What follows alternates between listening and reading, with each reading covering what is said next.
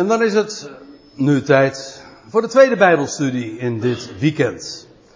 Waarbij het iedere keer weer gaat over die gedachte, en we hebben dat zojuist ook bezongen. Donker is de wereld, of de tijdperk, de aion waarin we leven. En dat heeft ook een hele specifieke reden, en daar zullen we het ook over hebben. Juist vanmorgen ook. Maar in die donkere wereld schijnt het licht. En uiteraard is dat het licht van Gods woord. En dat kun je trouwens ook nog op een dubbele manier opvatten. Het woord van God, dat is dat wat er staat geschreven. Maar het woord van God is feitelijk ook iemand. Het woord is vlees geworden. En het heeft onder ons gewoond, zegt Johannes. Uh, ja, hij is de expressie van die God. Dus het is maar niet alleen iets, het is iemand. Ook dat zullen we ook in de loop van dit weekend vanzelf ook nog wel meer gaan zien. Ik heb het, deze tweede bijeenkomst als titel meegegeven, de verlichting van het goede bericht, of zo u wilt, de verlichting van het evangelie, of de verlichting van de blijde tijding. Afijn, ik heb wat met dat woord goede bericht, dus ik heb het maar zo gelaten. Hè? En dat geeft trouwens ook precies weer wat uh, evangelie is. Evangeliaan, uh, dat is inderdaad dat goede, dat positieve bericht, die mededeling die God laat doen door zijn herauten en zoals dat ook is opgetekend. Het is, deze uitdrukking is trouwens ontleend aan 2 Korinthe 4 en ik stel voor dat we daar naartoe gaan. Dus iedere keer, nou vanavond niet helemaal, maar uh, we zullen één passage met name dan, dat was gisteren het geval, morgenochtend, morgenmiddag ook. Eén passage iedere keer daarbij onder ogen zien. Waarbij telkens weer naar voren komt, aan de ene kant dus die donkere wereld, die omgeving waarin wij ons bevinden. En dat lijkt dan allemaal heel vredig en groen en licht. Uh, als je zo om je heen kijkt en uh, in dit recreatiecentrum vertoeft. Maar kijk niet al te goed. Ik bedoel, uh, in deze wereld. volg het nieuws. En weet wat er allemaal speelt. En dan hoef ik u er toch niet van te overtuigen dat deze wereld donker is. We gaan naar 2 Korinthe 4 zoals gezegd. En ik stel voor dat we dan beginnen te lezen gewoon bij vers 1. Wat altijd weer lastig is. Wat meteen al uit het eerste woord blijkt. Want Paulus borduurt gewoon voort op 2 Korinthe 3. Dan moet ik er misschien nog even bij zeggen. In 2 Korinthe 3 gaat het over de, het contrast. Want God maakt altijd dingen duidelijk door contrast.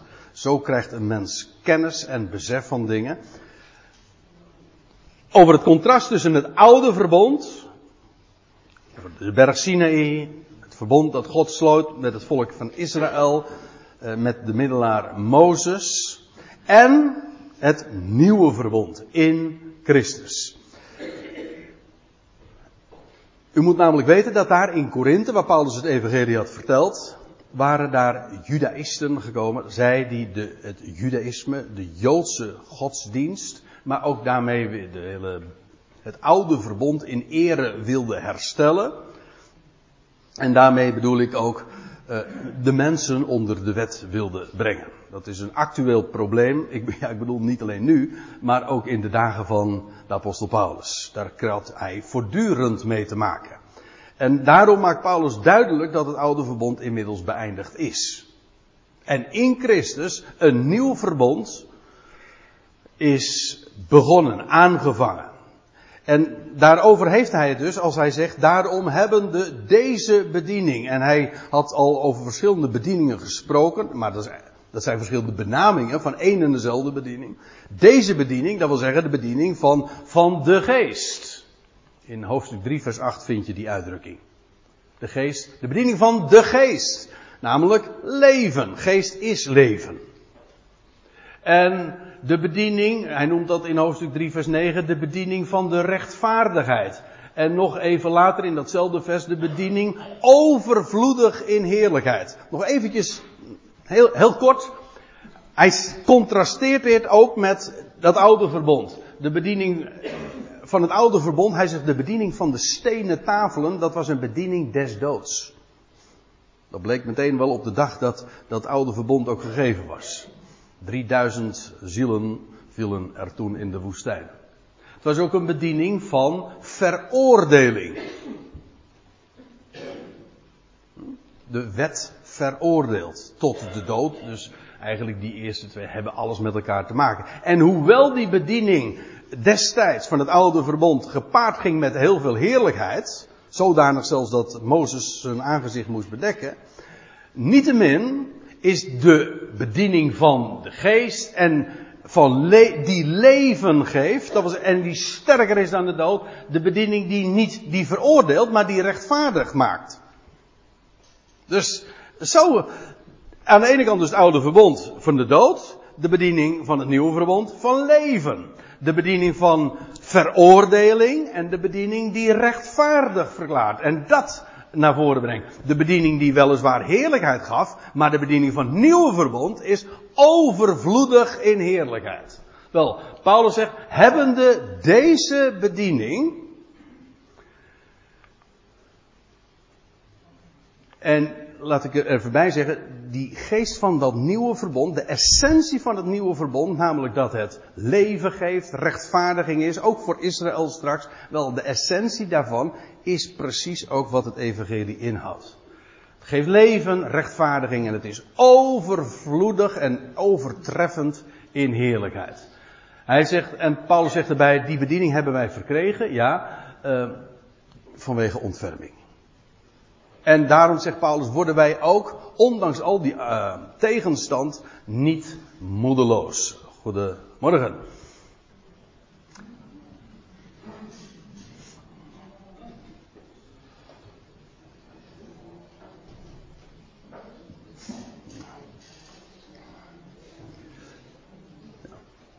Goed. Hoezo?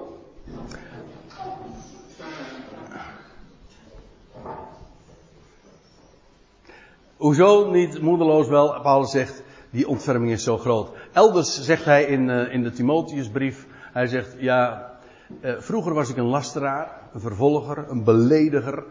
Uh, maar, zegt hij, mij is ontferming bewezen. En dan nog even later zegt hij, overweldigend echter is de genade van de Heer. En zo kon Paulus daar uit persoonlijke ervaring ook over spreken. Hij was overweldigd. Vind een geweldige term. Dus dat was geen keuze van hem. Hij was dat door de wil van God. Nou ja, daar hadden we het gisteren al over. Hij had er niet naar gezocht. Nee, de Heer had hem gevonden. En dat is inderdaad overweldigend. En hij zegt om die reden, die ontferming die mij is bewezen, dat ik nu deze bediening heb, dat wij mogen spreken van leven dat sterker is dan de dood. We zullen het daar morgen uitgebreid ook over hebben, morgenochtend. En een bediening die rechtvaardig verklaart. Gewoon om niet God die de goddeloze rechtvaardigt. Heel het mensdom rechtvaardigt. Hij wil dat. En die zo overtreffend is in heerlijkheid, dat, daar, dat het ook onvergankelijk is. Wel, die bediening, die is zo groot. En wel, het louter feit zoals Paulus daarmee geconfronteerd is, dat maakt hem met iemand als iemand die, ondanks alle tegenstand, alles wat hij te verduren kreeg, zo'n man was van hoop en verwachting. Ja, want dat, uh, dat overtreft alles. En zelfs, hij zegt in ditzelfde hoofdstuk, als hij dan spreekt over de verdrukking die hij onderging, en die was erg groot. En het was trouwens ook al die, die jaren dat hij zo uh, van, van stad tot stad en van werelddeel naar werelddeel reisde, heeft hij die verdrukking ondergaan. En dan zegt hij, weet u hoe hij dat noemt? In 2 Korinthe 4. De lichte last van verdrukking van een ogenblik. Zo'n enorme, zoveel tegenslag. Hij, in deze brief spreekt hij daar ook nog over. Maar hij zegt het is slechts een ogenblik. En bovendien het is licht. Hoe kan je dat zeggen? Nou, dat komt omdat Paulus geroken had, als ik het zo mag zeggen, aan die overtreffende heerlijkheid. Die onvergankelijk is.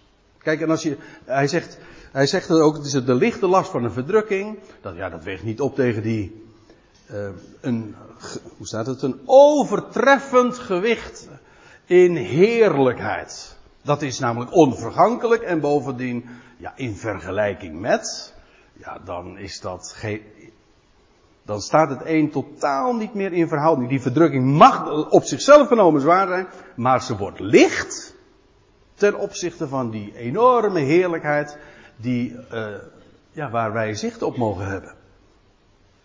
Ja, het is maar, dus het heeft alles te maken met perceptie. Hoe kijk je er tegenaan? Hoe heeft God jouw ogen daarvoor geopend? Afijn, hij zegt, wij worden daarom niet moedeloos. Maar hij zegt, we versmaden, het is een wat letterlijke weergave, uh, de verborgenheden van de schande. Als u de MBG-vertaling, die geeft het wat vrij weer. Wij hebben verworpen alle praktijken, alle schandelijke praktijken die het licht niet kunnen zien. Ja, want uh, dat wat schandelijk is, ja, dat mag dus het licht niet zien. En dat hou je dus verborgen. Dat, houdt altijd, dat gaat hand in hand uiteraard. Maar Paulus zegt, wij versmaden dat. wij versmaden die verborgenheden van de schande. Ik ga er even hier wat sneller doorheen. Hij zegt niet wandelende in sluwheid. Paulus was niet erop uit om mensen te manipuleren of listig eh, te vangen. Nee, hij zegt wij wandelen niet in sluwheid, noch frauderen het woord van de God. frauderen in, ehm, in, in hoofdstuk 2 van dezezelfde brief schrijft hij, want wij zijn niet als de, let op, de velen. Ook dat is contrast.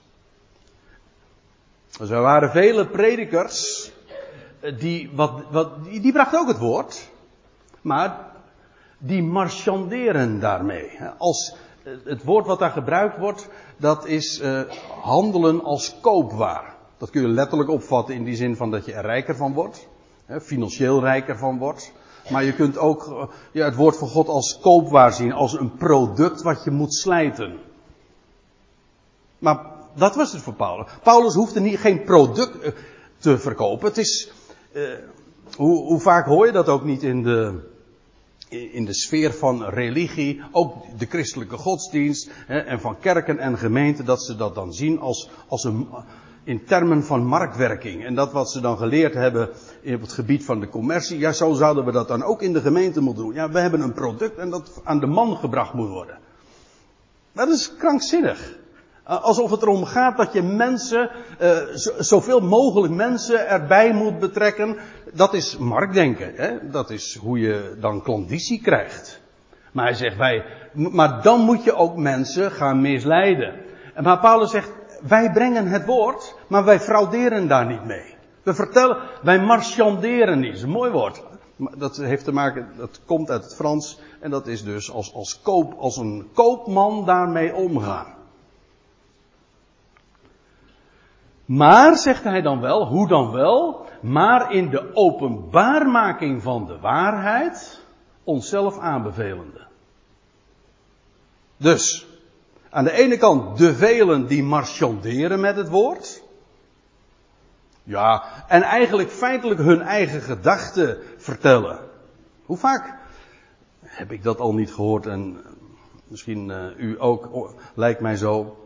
Dat mensen, dat, dat voorgangers of predikers een eigen, een eigen gedachte hebben en daar een tekst voor zoeken. En dan hangen ze zeg maar hun eigen gedachten aan die kapstok van die Bijbeltekst. Maar dat is in feite marchanderen met het woord. Want in feite wat je brengt, is je eigen gedachte. Jij hebt een bepaald idee waardoor je bekoord bent, of wat je vindt dat, dat mensen ook zouden moeten weten. En je hebt daar voor jouw karretje het woord van God gespannen. Maar dat is niet de bedoeling. Het gaat erom dat je, zoals Paulus zegt, wat wij doen is de waarheid openbaar maken. Gewoon laten zien wat het woord is. Dat staat er. Zodat mensen er totaal ook niet aan onderuit, kunnen. Dat is wat, wat, wat, waarin Paulus zichzelf ook aanbeval. Hij, wat is mijn aanbeveling? Niet het aandacht, de, de aandacht vestigen op zichzelf. Paulus was zich trouwens ook heel goed bewust van zijn eigen minpunten. Later in de brief lees je ook dat hij helemaal, uh, dat hij erop werd aangesproken dat hij niet zo'n klasse spreker was. Maar Paulus, daar ging het ook, ook, niet, ook helemaal niet om. Wat Paulus deed, is dat waar hij door gegrepen was, waarvan hij wist dat het waar was. En dat betekent, dat zijn feiten die je dus onder bewijs kunt stellen. En wijs op dat wat er staat geschreven. Volgens mij, dat is, volgens mij, dat is wat die openbaarmaking van de waarheid is. Dat is de waarheid. Dat kan bewezen worden. Dat zijn de feiten. En dat laat ik zien. En dat, en dat is het enige wat telt. Trouwens, daarin gaat de, de prediker, degene die dat doorgeeft, ja, is daarmee feitelijk ook van, uh, die treedt daarmee helemaal terug. Want dat is volstrekt onbelangrijk. Die is alleen maar een doorgeefluik, meer niet. Maar het gaat om die waarheid, die openbaar gemaakt wordt. En daarin zegt Paulus, maar uh, naar elk geweten van mensen toe in het zicht van God. Dat wil zeggen, we zijn een aanbeveling naar elk uh, geweten van mensen. Het is een wat stijve weergave, maar het geeft wel goed weer wat Paulus hier uitdrukt. Dat wil zeggen, degene die eerlijk is. Even los van je achtergrond, van gevoelens, van eigen ideeën of van wat men zegt. Ik bedoel, dat zijn allemaal elementen die zo gemakkelijk en zoveel invloed hebben op uh, het beoordelen van dat wat je hoort. Maar als je eerlijk bent, zegt Paulus, dan weet je dat het waar is wat ik zeg. Wij maken de waarheid openbaar en dat is onze aanbeveling voor elk geweten van de mens. Iemand die eerlijk is, die weet, ja, uh, het strijdt misschien met van alles en nog wat. Er is heel veel bezwaar tegen aan te, aan te tekenen. Één ding kunnen we niet ontkennen. Het is waar wat hij zegt. Dat, dat is echt, dat is de mooiste aanbeveling die je kunt krijgen. Het is misschien, hij vertelt het niet uh, mooi, of uh, hij vertelt het stuntelig, of uh, weet ik van wat er allemaal op iemands spreken is aan te merken. En ik zei al, Paulus refereert in feite hiermee ook aan zichzelf. Maar de aanbeveling was, voor degene die eerlijk is, hè, wie gewetensvol is, de waarheid wordt openbaar gemaakt. En dat is uiteindelijk, dat kan elk mens, dat is wat Paulus ook zegt, Beoordeel het zelf. Moet ik even uitzetten.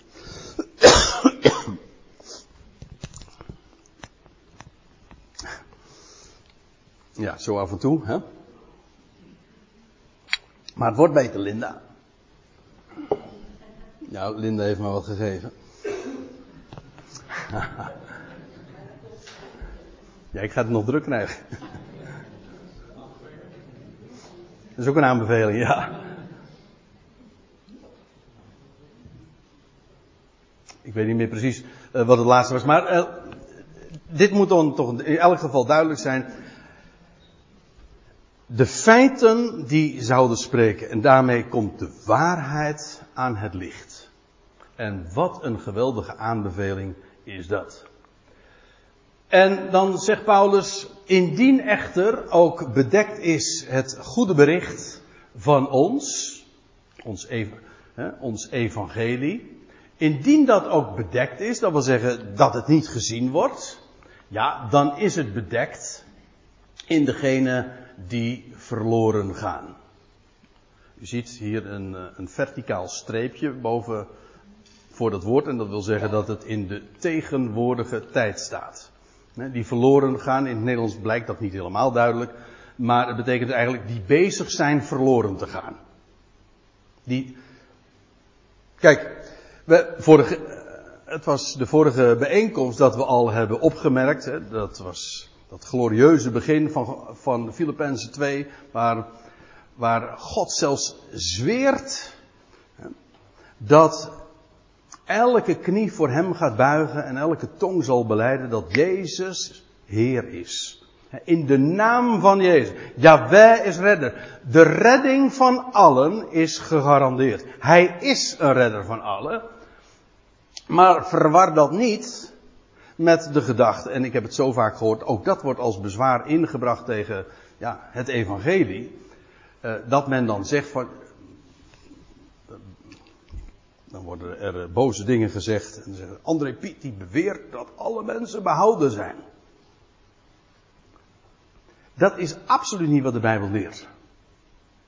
Sterker nog, deze wereld in het algemeen is bezig verloren te gaan. Dat God de redder is van de hele wereld betekent niet dat er dus verlorenheid is. Integendeel zou ik haar zeggen. Als hij een redder is van allen, dat betekent dat dat veronderstelt dat men, dat wereld eerst verloren moet zijn, wil het ook daadwerkelijk gered en gevonden worden. Toch? Hoe zou iets gevonden worden als het niet eerst verloren is? Hoe zou iets gered kunnen worden als het niet eerst inderdaad verloren is? Daarom. Hoe zou iemand genezen kunnen worden als je niet eerst ziek bent? En waar Paulus het hier over heeft, is over degene die verloren gaan. Deze wereld is bezig verloren te gaan. En hoe komt dat? Wel, zij. Het is bedekt, het, het evangelie is uh, bedekt bij degene die verloren gaan. En hij, hij gaat dat ook nader toelichten in vers 4. Dan zegt hij, in wie, hij heeft het dus over degene die verloren gaan, voor wie het evangelie bedekt is, ze zien het niet. Wel, in wie de God van deze aion, de God van deze aion. We hebben het aan de ene kant, en dat is het allermooiste, over de God der Ionen. Zo heet hij ook in, als ik me niet vergis, ja, 1 Timotheus 1. De koning der Ionen. Er is er één die de, de beheerst. Die aan het begin staat, die aan het einde staat. Al die wereldtijdperken zet hij op zijn plaats. Maar in deze Ion is daar een God. Een godheid. Hè, die uh, regeert. Relatief natuurlijk. Hè.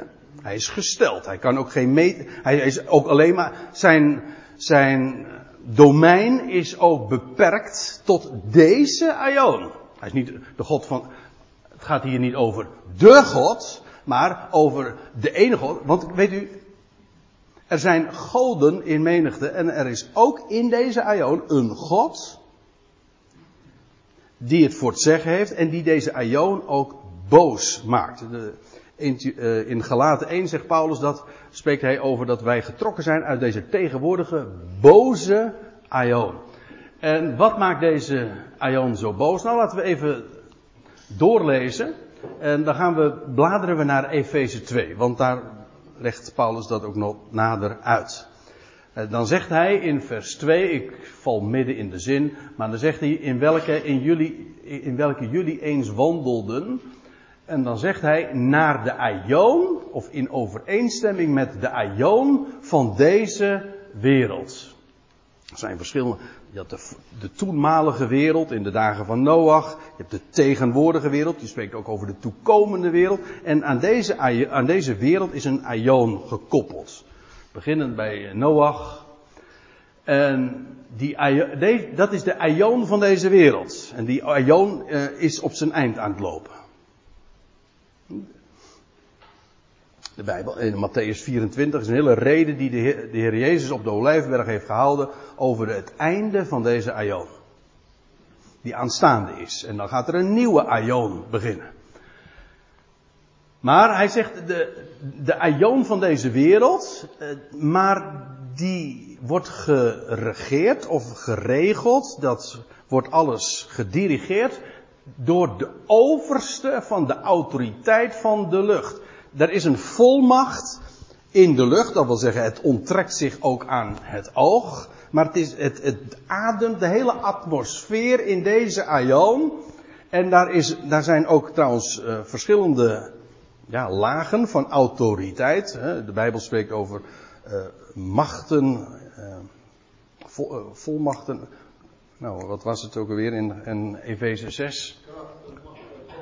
Krachten, machten en overheden. Hartelijk dank. Ja.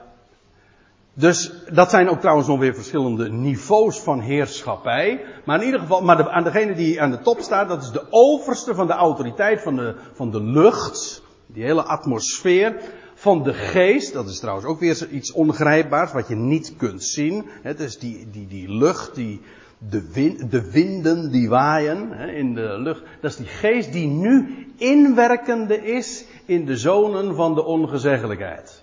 Wel, die zich dus niet laten gezeggen. Er is in deze wereld, het is een wat ingewikkelde zin, maar de strekking moet toch helder zijn. Deze aion wordt geregeerd door een overste, die het voor het zeggen heeft, die de atmosfeer, de lucht in zijn handen heeft, in, in, dirigeert, en die nu inwerkt in degene die zich niet laten gezeggen. De zonen van de ongezeggelijkheid, dat is ook uh, ja, eigenlijk wat uh, karakteristiek voor, voor deze wereld is. Wat deze wereld ook weer dus duister maakt. En die werkt in. En die God van deze Aion, dat vergis u niet, dat is geen onbenul. Die is buitengewoon schrander. En intelligent. Vergis je niet. Zo wordt hij ook trouwens meteen al geïntroduceerd in de Bijbel van de, eh, de, de, slang die God gemaakt heeft. Mensen vragen zich af waar komt die slang vandaan? Nou, hij is gewoon een creatie van God. God heeft hem ook een bepaald domein gegeven. En in feite is hij, zonder het te weten, maar dat is juist de clue, en zonder het te erkennen, staat hij in dienst van God. Maar hij, je leest ook van hem inderdaad, hij was de schranderste. De, Zo'n intelligentie. En die heeft het voor het zeggen. Dus dat wat er in deze wereld allemaal speelt, de hele atmosfeer wordt beheerst door een enorme intelligentie. Maar die de mensen manipuleert, die inwerkende is. Zodat mensen zich niet kunnen laten gezeggen door dat woord. Relatief gesproken natuurlijk, want de God beheerst dat. Dus je moet altijd uh, eventjes je goed bewust zijn van op welk niveau we daarover hebben. Maar inderdaad, in deze wereld, in deze aion, is daar die overste. En wat doet hij, die God van deze aion? Hij verblindt de gedachte. En verblinden, dat is ook weer, ja, dan zijn we ook weer helemaal in de sfeer van, van, van dit weekend. Dat, dan worden dingen duister gemaakt. Dan, als de ogen worden toegedekt, ja, dan zie, zie je het licht niet meer, dan is het donker. Dan zie je niks meer. En wat hij doet, hij verblindt. Ja, niet de fysieke ogen, maar, eh, zoals de Bijbel dat noemt, de ogen van het hart. Hè, waarmee je dingen verstaat, begrijpt, ziet, doorziet, zoals wij dat dan ook zeggen. Dat je, denkt, dat je in je denken, je overleggingen, spreekt de NBG-vertaling dan over, hij manipuleert het denken in deze aion. En dat doet hij buitengewoon intelligent. Hij weet, hij is geen domme jongen, hij weet hoe hij dat moet doen. Eerst gisteravond hadden we na afloop van de samenkomst toch een heel gesprek daarover. Dat is, dat is echt, ja, ook wel in die zin indrukwekkend. Hoe hij het voor elkaar krijgt om intelligentie, intelligente mensen, te verblinden. Nou, en dat, daar heeft hij buitengewoon veel succes mee. Hij, wat hij doet dus, is de gedachten, het denken verblinden, zodat ze dingen dus niet zien en niet kunnen begrijpen. Misschien is het toch even goed om wat ik zojuist al even aanstipte nog even nader toe te lichten. Je kunt dingen beschouwen, ik zei het al, op verschillende niveaus. Als je het op het laagste niveau bekijkt, dan zeg je ja, van, dan kijk je gewoon naar dat, uh, wat er zo aan de hand is in de wereld en de motieven die mensen hebben, bijvoorbeeld dat ze niet geloven. Hm? Daar kun je bijvoorbeeld godsdienstige motieven voor hebben, want ja, je, je gelooft niet omdat je zelf wil werken. Uh, je kunt het ook op een niveau hoger zien, en daar hebben we het eigenlijk nu over in 2 Korinthe 4. En dan, dan praat je over, over de overste van de macht van de lucht, over de God van deze eon, die achter de schermen de dingen dirigeert. En die ervoor zorgt dat mensen verblind zijn, dat ze het niet kunnen zien. Die uh, ervoor gezorgd heeft dat er concepten, leerstellingen, uh, paradigma's, uh, axioma's, dat zijn hele mooie woorden, maar dat betekent allemaal gedachtegangen die ervoor zorgen dat intelligente mensen, maakt even niet uit over welk IQ we nu spreken, maar gewoon dat intelligente mensen iets niet kunnen zien. Ja, daar is een hogere intelligentie voor nodig. Wel, daar is een overste van de macht van de lucht en die werkt in. Dat is, dat is dat niveau, dat is al een stuk hoger. Want, want dan praten we eigenlijk over dingen die we niet kunnen zien, die achter de schermen zich voltrekken. Maar dan heb je nog het allerhoogste niveau. Je kunt het op menselijk aardsniveau bekijken. Je kunt het op, op niveau bekijken van wat er in de lucht allemaal speelt. Maar je kunt het natuurlijk ook beschouwen, en dat is het mooiste standpunt. Dat is eigenlijk ook ons uitgangspunt. Namelijk van de God. En die inderdaad ogen geeft om te zien en oren om te horen. En die het allemaal leidt. Want de God van deze Aion, die staat mooi wel onder controle van de koning der Aionen. Dat begrijpt u, hè?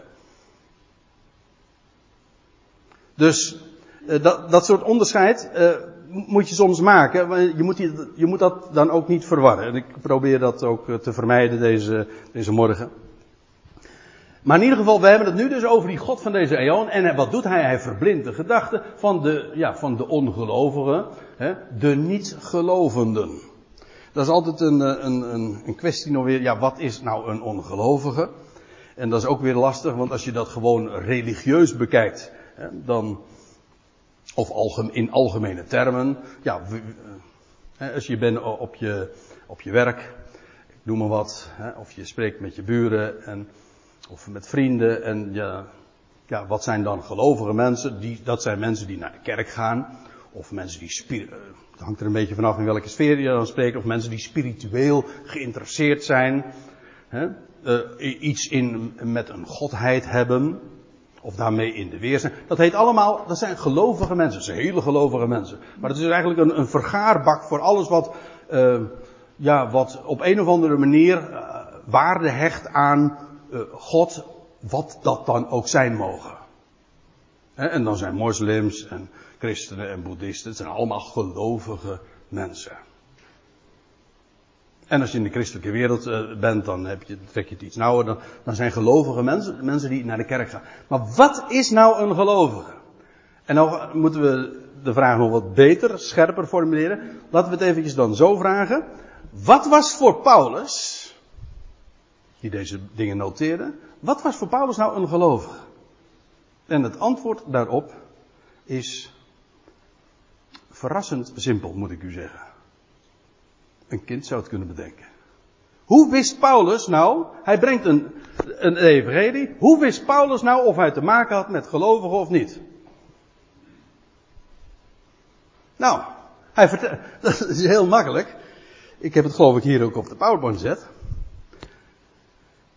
Je vertelt het evangelie en je merkt op de reactie. En sommigen die zeggen, wauw, geweldig. Amen.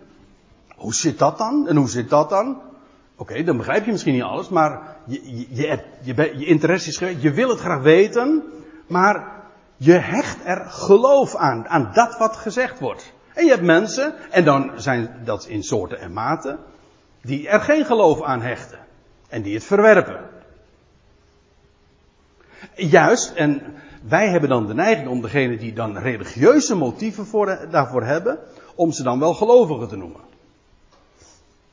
Kan.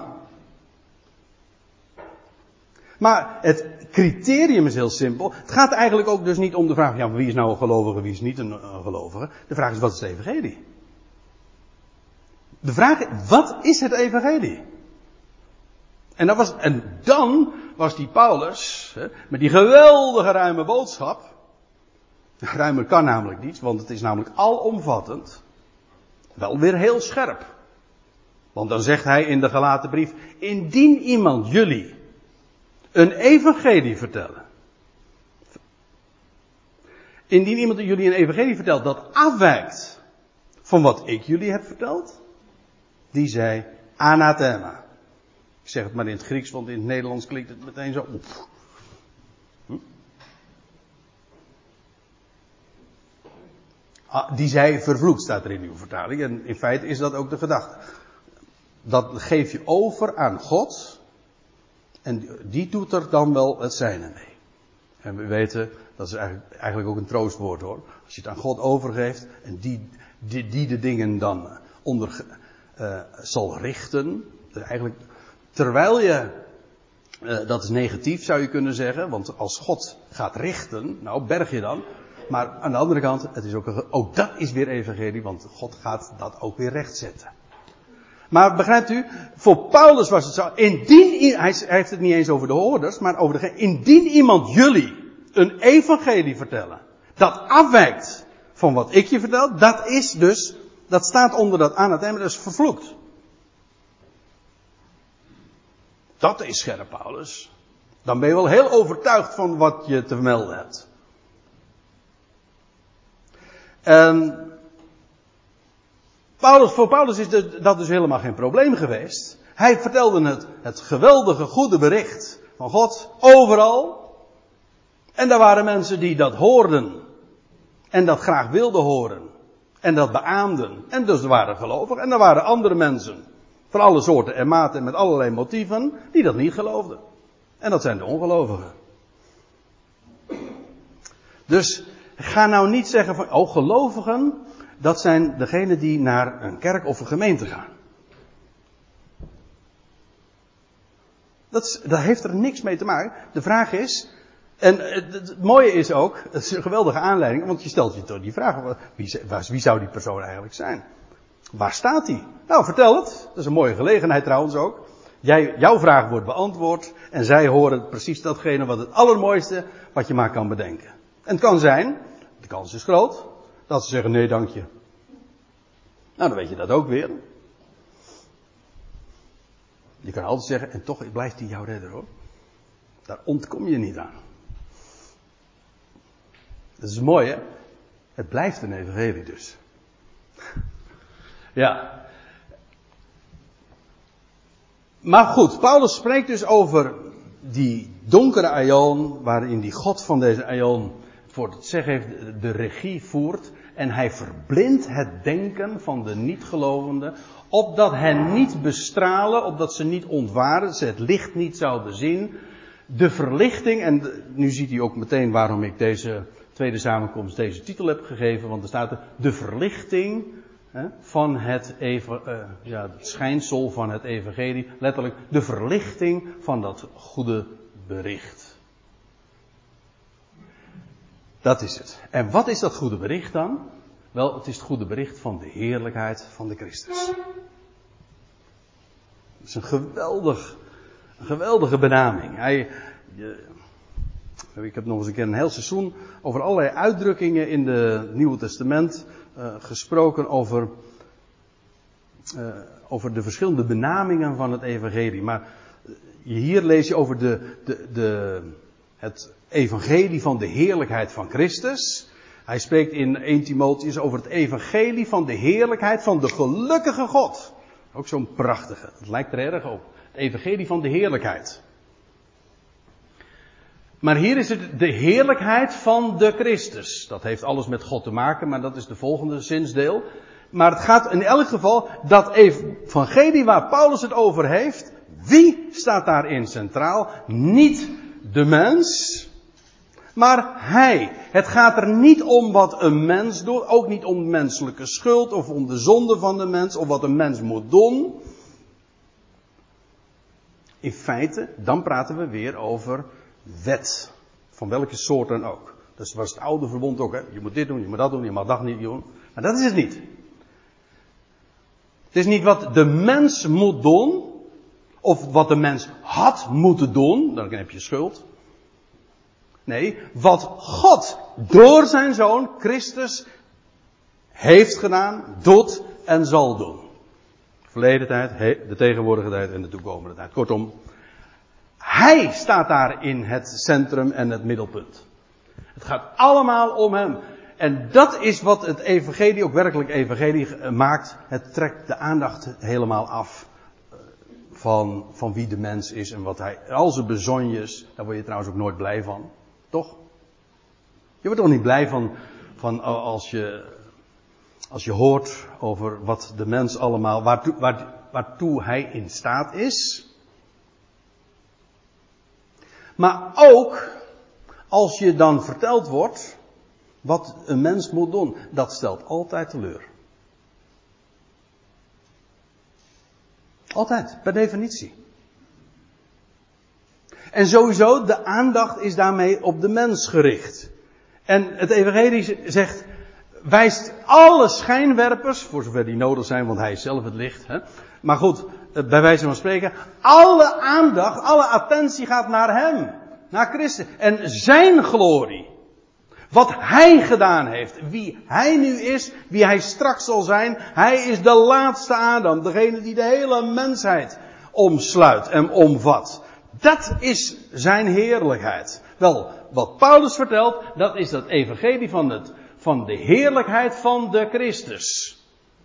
Maar velen zien dat niet en daar zijn allerlei concepten hè, die de God van deze aion uh, eigenlijk geïnstigeerd heeft, ja, geïnitieerd. Hij heeft daartoe het initiatief genomen, hij heeft mensen daar, gebruikt daar als media, medium voor en die ervoor zorg dragen dat mensen dat niet zien, zodat hun denken dat niet aan kan. Omdat het strijd conflicteert met, met dat wat ze weten, of denken te weten, of geleerd hebben. Maar daar gaat het over dat het licht schijnt van het evangelie van de heerlijkheid van Christus, die een beeld van God is. Eigenlijk, dat wordt je een, kun je vergeten, die beeld van God is. Het gaat erom, niet zozeer dat hij het beeld is, dat staat er niet, maar wat is hij? Hij is beeld van de God. En dat Griekse woord wat u hier uh, ziet, icoon, dat is ons woord icoon. En ja, wat is een icoon?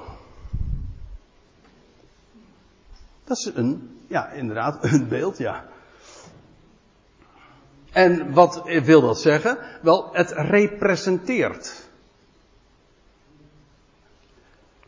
Christus, wat is de heerlijkheid van Christus? Is niet dat hij God is, hij is beeld van God. Hij representeert God dus ook. Vandaar ook, maar dan spreken we over beeldspraak, dat hij ook inderdaad de heerlijkheid van God vertegenwoordigt. Maar dat is niet zo moeilijk. Ik heb een, mooi voorbeeld. Want als je het hebt over dat woordje beeld, icoon, dat wordt gebruikt in Matthäus 22. En dan wordt de Heer Jezus, dan zijn er mensen die hem een strikvraag willen uh, op, uh, voorleggen. En dan vragen ze of, of het geoorloofd is belasting te betalen. Dat was een issue daar in Israël. En dan vraagt hij een muntstuk. En dan vraagt, en hij zei tot hen, uh, van wie is deze afbeelding? Nou, hier ziet u zo'n Romeins muntstuk. Misschien is het wel hetzelfde muntstuk wat geweest wat, wat toen zo in die kring vertoond werd. En dan vraagt de Heer Jezus, van wie is deze afbeelding? Van wie is deze icoon? En ze zeiden, van de keizer. Dit is de keizer. Ziet u goed? Dit is de keizer.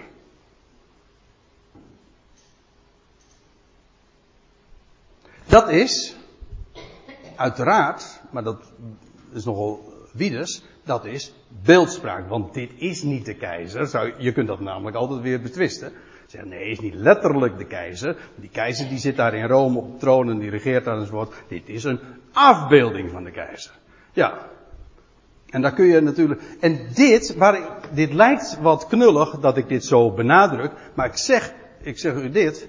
In feite is dit een gigantische theologische strijd geweest. En toen heb je in de, de derde, vierde eeuw, toen is daar een, een leer ontworpen van de drie-eenheid. En dan weet je meteen al van, als er termen gebruikt gaan worden die niet komen uit de schrift, hè, die, ja, dat zijn geen gezonde woorden. Dan heeft, toen heeft men bedacht, ja, hoe zit dat nou? Is Christus God, ja of nee? En toen had je Arius en je had Athanasius in een grote strijd. En het was op voorhand eigenlijk al mislukt, uh, gedoemd om te mislukken. En dan kreeg je een theologische strijd en uiteindelijk heeft, in, uh, bij het concilie van Nicea heeft, uh, wie was het? Ah, Athanasius gewonnen. Dat wil zeggen, kreeg de meeste medestanders. En toen werd verklaard, God is een drie-eenheid. En Jezus is God de Zoon. Ook alweer zo'n term die de schrift niet kent. Hij is de Zoon van God. Niet God de Zoon, hij is de Zoon van God. Maar dat zorgde ervoor, vervolgens. Want uh, die, die geloofsbelijdenis wordt dan vervolgens ook zodanig geformuleerd. Aan het eind lees je dat. Als je dit niet onderschrijft. dan kun je niet zalig worden. En dan zul je voor eeuwig in de hel komen. Zo staat het er. En vervolgens is deze leer onder alle christenen. Vervolgens aanvaard. En de officiële orthodoxie. Dus u weet nu ook in wat voor gezelschap u terechtgekomen bent. Dit is zeer ketters. Het is echt waar wat ik nu zeg. Ik waarschuw u nu meteen maar. Want dan, uh, je komt er vroeg of laat dan toch wel achter. Nou, dan weet u het in ieder geval. En ja, dan. En dat op zich is al voor velen een reden. Zeg van nou, denk jij nou werkelijk dat je het beter weet dan al die knappe theologen die daar toen zo hevig mee gestreden en, en, en over gedebatteerd hebben. En die dat uiteindelijk dan als, als beleid en als dogma hebben neergezet. Denk je dat echt? En die leerstelling is zo fataal. Dat is een hele knappe lering. Want als je namelijk zegt dat hij God de zoon is, dan kon hij ook niet echt sterven. Maar hoefde hij ook niet opgewekt te worden uit de doden. Hoe kun je nu van harte geloven dat God hem uit de doden heeft opgewekt, als hij God zelf was en hij eigenlijk niet eens gestorven is? Dan kon hij, en hoefde hij ook niet opgewekt te worden. En dat kun je er nooit van harte geloven. Je kunt het misschien wel met de mond beleiden, maar je begrijpt er niks van. Mensen kunnen dat ook niet uitleggen. Dan zeg je, en dan ga je zingen van ja, hij stond op uit, eigen, uit de dood uit eigen kracht. En als je dan vraagt, hoe kan dat? Nee, de, de denkzin is verblind. Door het ene dogma te aanvaarden, kun je gewoon dat evangelie van de heerlijkheid van Christus, die beeld van God is, niet meer begrijpen. Dat kun je niet meer. Dan zie je hoe knap het is om zulke leringen te introduceren die het zicht onmogelijk maken.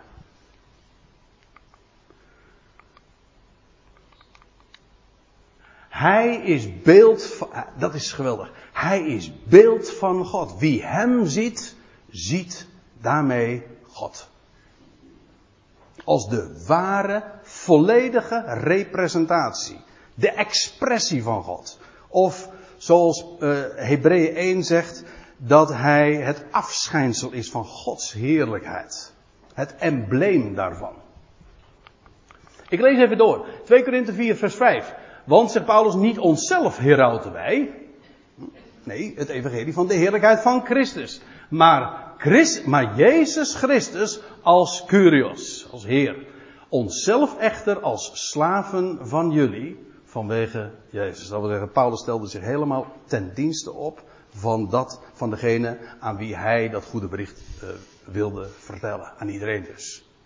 En daarom was hij volledig dienstbaar, zelfs een slaaf zich volkomen wegcijfert. Want het ging namelijk allemaal vanwege Jezus. En Jezus Christus als Heer. Daarom stelde hij zich zo als slaaf op.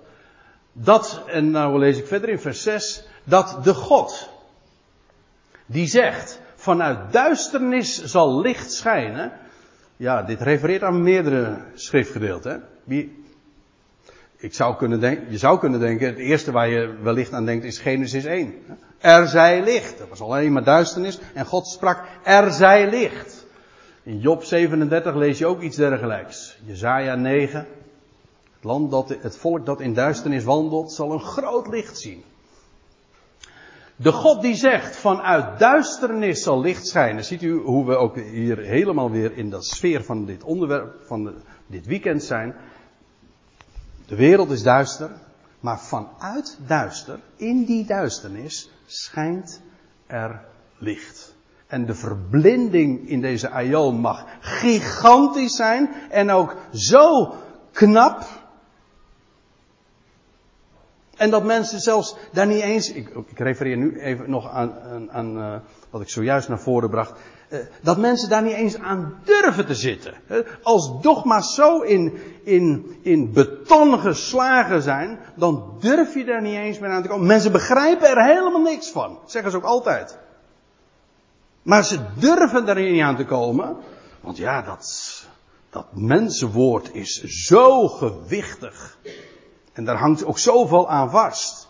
En wie het niet aanvaardt, ja, die, die, eh, die staat buiten. En dat niet alleen. Dus ziet u hoe geraffineerd dat werkt, zodat mensen inderdaad het niet kunnen zien. Dat de God die zegt vanuit duisternis zal licht schijnen, die doet het schijnen in de harten van ons. Kijk, dat is wat God doet. Zijn licht laten schijnen en hij dringt daarmee door in het hart, dat wil zeggen in de binnenkant. Gericht op, op de verlichting van de kennis. In onze vertaling staat dan uh, om, ons, om ons te verlichten. Maar het gaat niet zozeer om de verlichting van ons, maar het gaat erom de verlichting van de kennis. Welke kennis? Wel, kennis heeft te maken met dus dingen zien, verstaan, gewoon ook weten. Natuurlijk, het gaat er ook om dat je het gaat beseffen, maar het begint gewoon bij weten. En die, dat, wat God in zijn woord heeft ge, op laten tekenen, dat dat zichtbaar wordt. Die kennis, dat dat verlicht wordt. Dat daar het licht, dat daar het licht van gaat schijnen. Dat mensen dat gaan weten, zodat je dingen ook gaat begrijpen. Dat hij beeld Gods is. Dat is zijn geweldige heerlijkheid. En zegt Paulus, uh, alles is gericht op de verlichting van die kennis. Dat is dus niet alleen maar dat wij verlicht worden, maar ook dat vervolgens in ons eigen leven, dat wij die kennis van wie Hij is, de heerlijkheid van Christus, dat we die mogen etaleren. En het enige wat je hoeft te doen, is het woord te vertellen. En het woord is licht en dat gaat schijnen. Dat woord schijnt. Straalt. Dat is, dat is het geweldige van het evangelie. Het is echt evangelie. Hij, hij is werkelijk de God, de levende God. Hij is vader. En al die dingen. En dat heeft miljoenen facetten. En het is een geweldig diamant. Maar spreek het, neem dat woord in de mond. En het doet vanzelf zijn werk. En dat is die verlichting van de kennis. Dat woord mogen we, u en ik, ik bedoel, ik mag hier nu toevallig op een podium staan. Maar dat woord mag je in de mond nemen en daar dan vervolgens ook de waarde of de, de kracht ervan ondervinden. Dat heeft, daarmee mensen die onwetend zijn, de meeste mensen, misschien mag ik dat er ook nog eventjes bij zeggen. Ik had het zojuist over ongelovigen. Wij noemen mensen, uh, iedereen die niet gelooft, een ongelovige. Dat is een beetje arbitrair. Want eigenlijk Kijk, om te geloven moet je eerst horen, toch? Maar om niet te geloven moet je ook eerst horen. Ja, niet geloven, dat wil zeggen het verwerpen. Dus de meeste mensen in de wereld zijn helemaal niet ongelovigen. zijn geen ongelovigen. Ze zijn onwetend. Ze hebben het nooit gehoord. Dus, ja, en je mag het vertellen. En de, uh, en die, die heerlijkheid is zo groot en die kennis mogen we inderdaad verlichten. Dat wat er, zijn woord, wat er staat geschreven, mag klinken. Uh, de verlichting van de kennis van de heerlijkheid van de God, die ene God, in Jezus Christus aangezicht. In feite hebben we hier weer precies hetzelfde als het voorgaande vers, die het beeld Gods is. De heerlijkheid van God, wel, Waar zien we die? In het aangezicht, niet van Mozes, maar van Jezus Christus. Daar straalt die heerlijkheid. En dan wil ik u nog even meenemen naar een paar versen daarvoor. Kort, 2 Korinthe 3 en het slot daarvan. Want dan wil ik u laten eh, zien wat dat licht vervolgens met ons doet. Dat is heel mooi. Gisteren kwam dat eventjes nog na afloop van de samenkomst uh, ter sprake in één, nee twee groepjes zelfs. Uh, toen, ging het, toen had ik het over dat wij mogen stralen als sterren in de nacht. Hè? De wereld is duister en wij, er zijn sterren. Wij dragen dat licht. Maar toen werd er gezegd, maar wij, wij schijnen toch niet van onszelf. Het is toch niet zo van dat, dat, dat wij dat licht produceren. Nee, wij, wij dragen dat licht. Dat, maar feitelijk moet je het nog anders zeggen. Wij weerspiegelen dat licht. Wij zijn daar slechts reflector in. En feitelijk in die zin dus ook passief. Dus wij, wij geven geen licht, net zoals inderdaad, uh, als ik het goed uh, hoorde, werd dat zojuist ook even gefluisterd. Uh, al heb je sterren, de zon, die, die stralen, maar al heb je de maan, die weerkaatst, die reflecteert het licht van de zon. Wel, als u nou naar het laatste vers van 2 Korinthe 3 gaat. En ik heb al iets gezegd over de context, maar het gaat me even om dat ene punt van die reflectie en wat die reflectie doet. En dan zegt Paulus, wij allen echter, met een gezicht waar de bedekking is weggenomen. Dat is wat hij doet, hè? Als hij, ik bedoel God. Hij neemt de bedekking weg. En de grootste bedekking is wel die van, van de wet, van het oude verbond. En dat de mens het zelf allemaal moet doen. Van jij moet doen. Nee, dat is juist die bedekking en die wordt weggenomen. Hij doet het. En als je dat mag gaan zien, dan is, dan is de bedekking weggenomen. En dan staat erbij, de heerlijkheid van de Heer dan weerspiegelende. Leuk woord, hè? Mooi. Weerspiegelende. Dat is precies uh, wat hier in het Grieks ook staat. En dat heeft inderdaad de gedachte van, ja, reflectie. Zoals je een spiegel houdt in de richting van het lichtobject en dan als vanzelf weerspiegelt dat, die spiegel, dat licht. Waar het op gericht is. Dus eigenlijk het enige waar het wat telt, is waar de focus van die spiegel, als ik het zo mag zeggen, waar is die spiegel op gericht? En, en daar waar het oog op gericht is, wel dat licht zal gereflecteerd worden. Dat is trouwens in het algemeen zo. We weten dat allemaal. De, we zeggen dan, de oog is de spiegel van de ziel. En daar waar de mens naar kijkt, ja, dat zal die reflecteren in zijn leven. Dat niet, dat moet, dat is gewoon een wetmatigheid. Een mens verraadt altijd dat wat hij aandacht geeft en wat belangrijk voor hem is en wat, waar hij naar kijkt. Zijn focus, ja. En als wij nu zien, als wij nu zien, op zijn heerlijkheid. Want dat is de evangelie. De evangelie gaat helemaal niet over ons. Maar over wat hij bij macht is te doen. Ook niet over ons niet kunnen, want dat is helemaal geen enkel punt. Het gaat erom wat hij wel kan. Daarom word ik er altijd weer blij van, want wij, wij stuiten altijd weer van, ja maar goed, eh, ik kan dit niet en het is zo moeilijk zus en het is zo moeilijk zo dat wordt gewoon eh, in één keer gewoon ge, gepasseerd in het evangelie. Want het gaat helemaal niet om wat wij niet kunnen. Het gaat erom wat hij wel kan.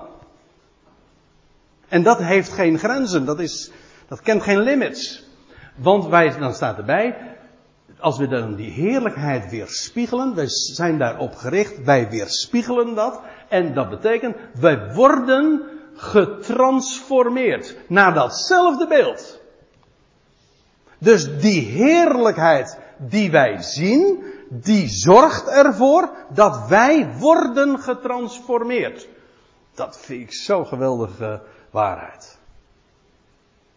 Eh, dat woord transformeren, u ziet hier dat in het Grieks, daar staat, eh, je herkent het zelfs nog, door de Griekse letters heen, daar staat het woordje metamorfose. Vanmorgen aan tafel, aan de ontbijttafel, hadden we het nog even over een rups die een vlinder wordt.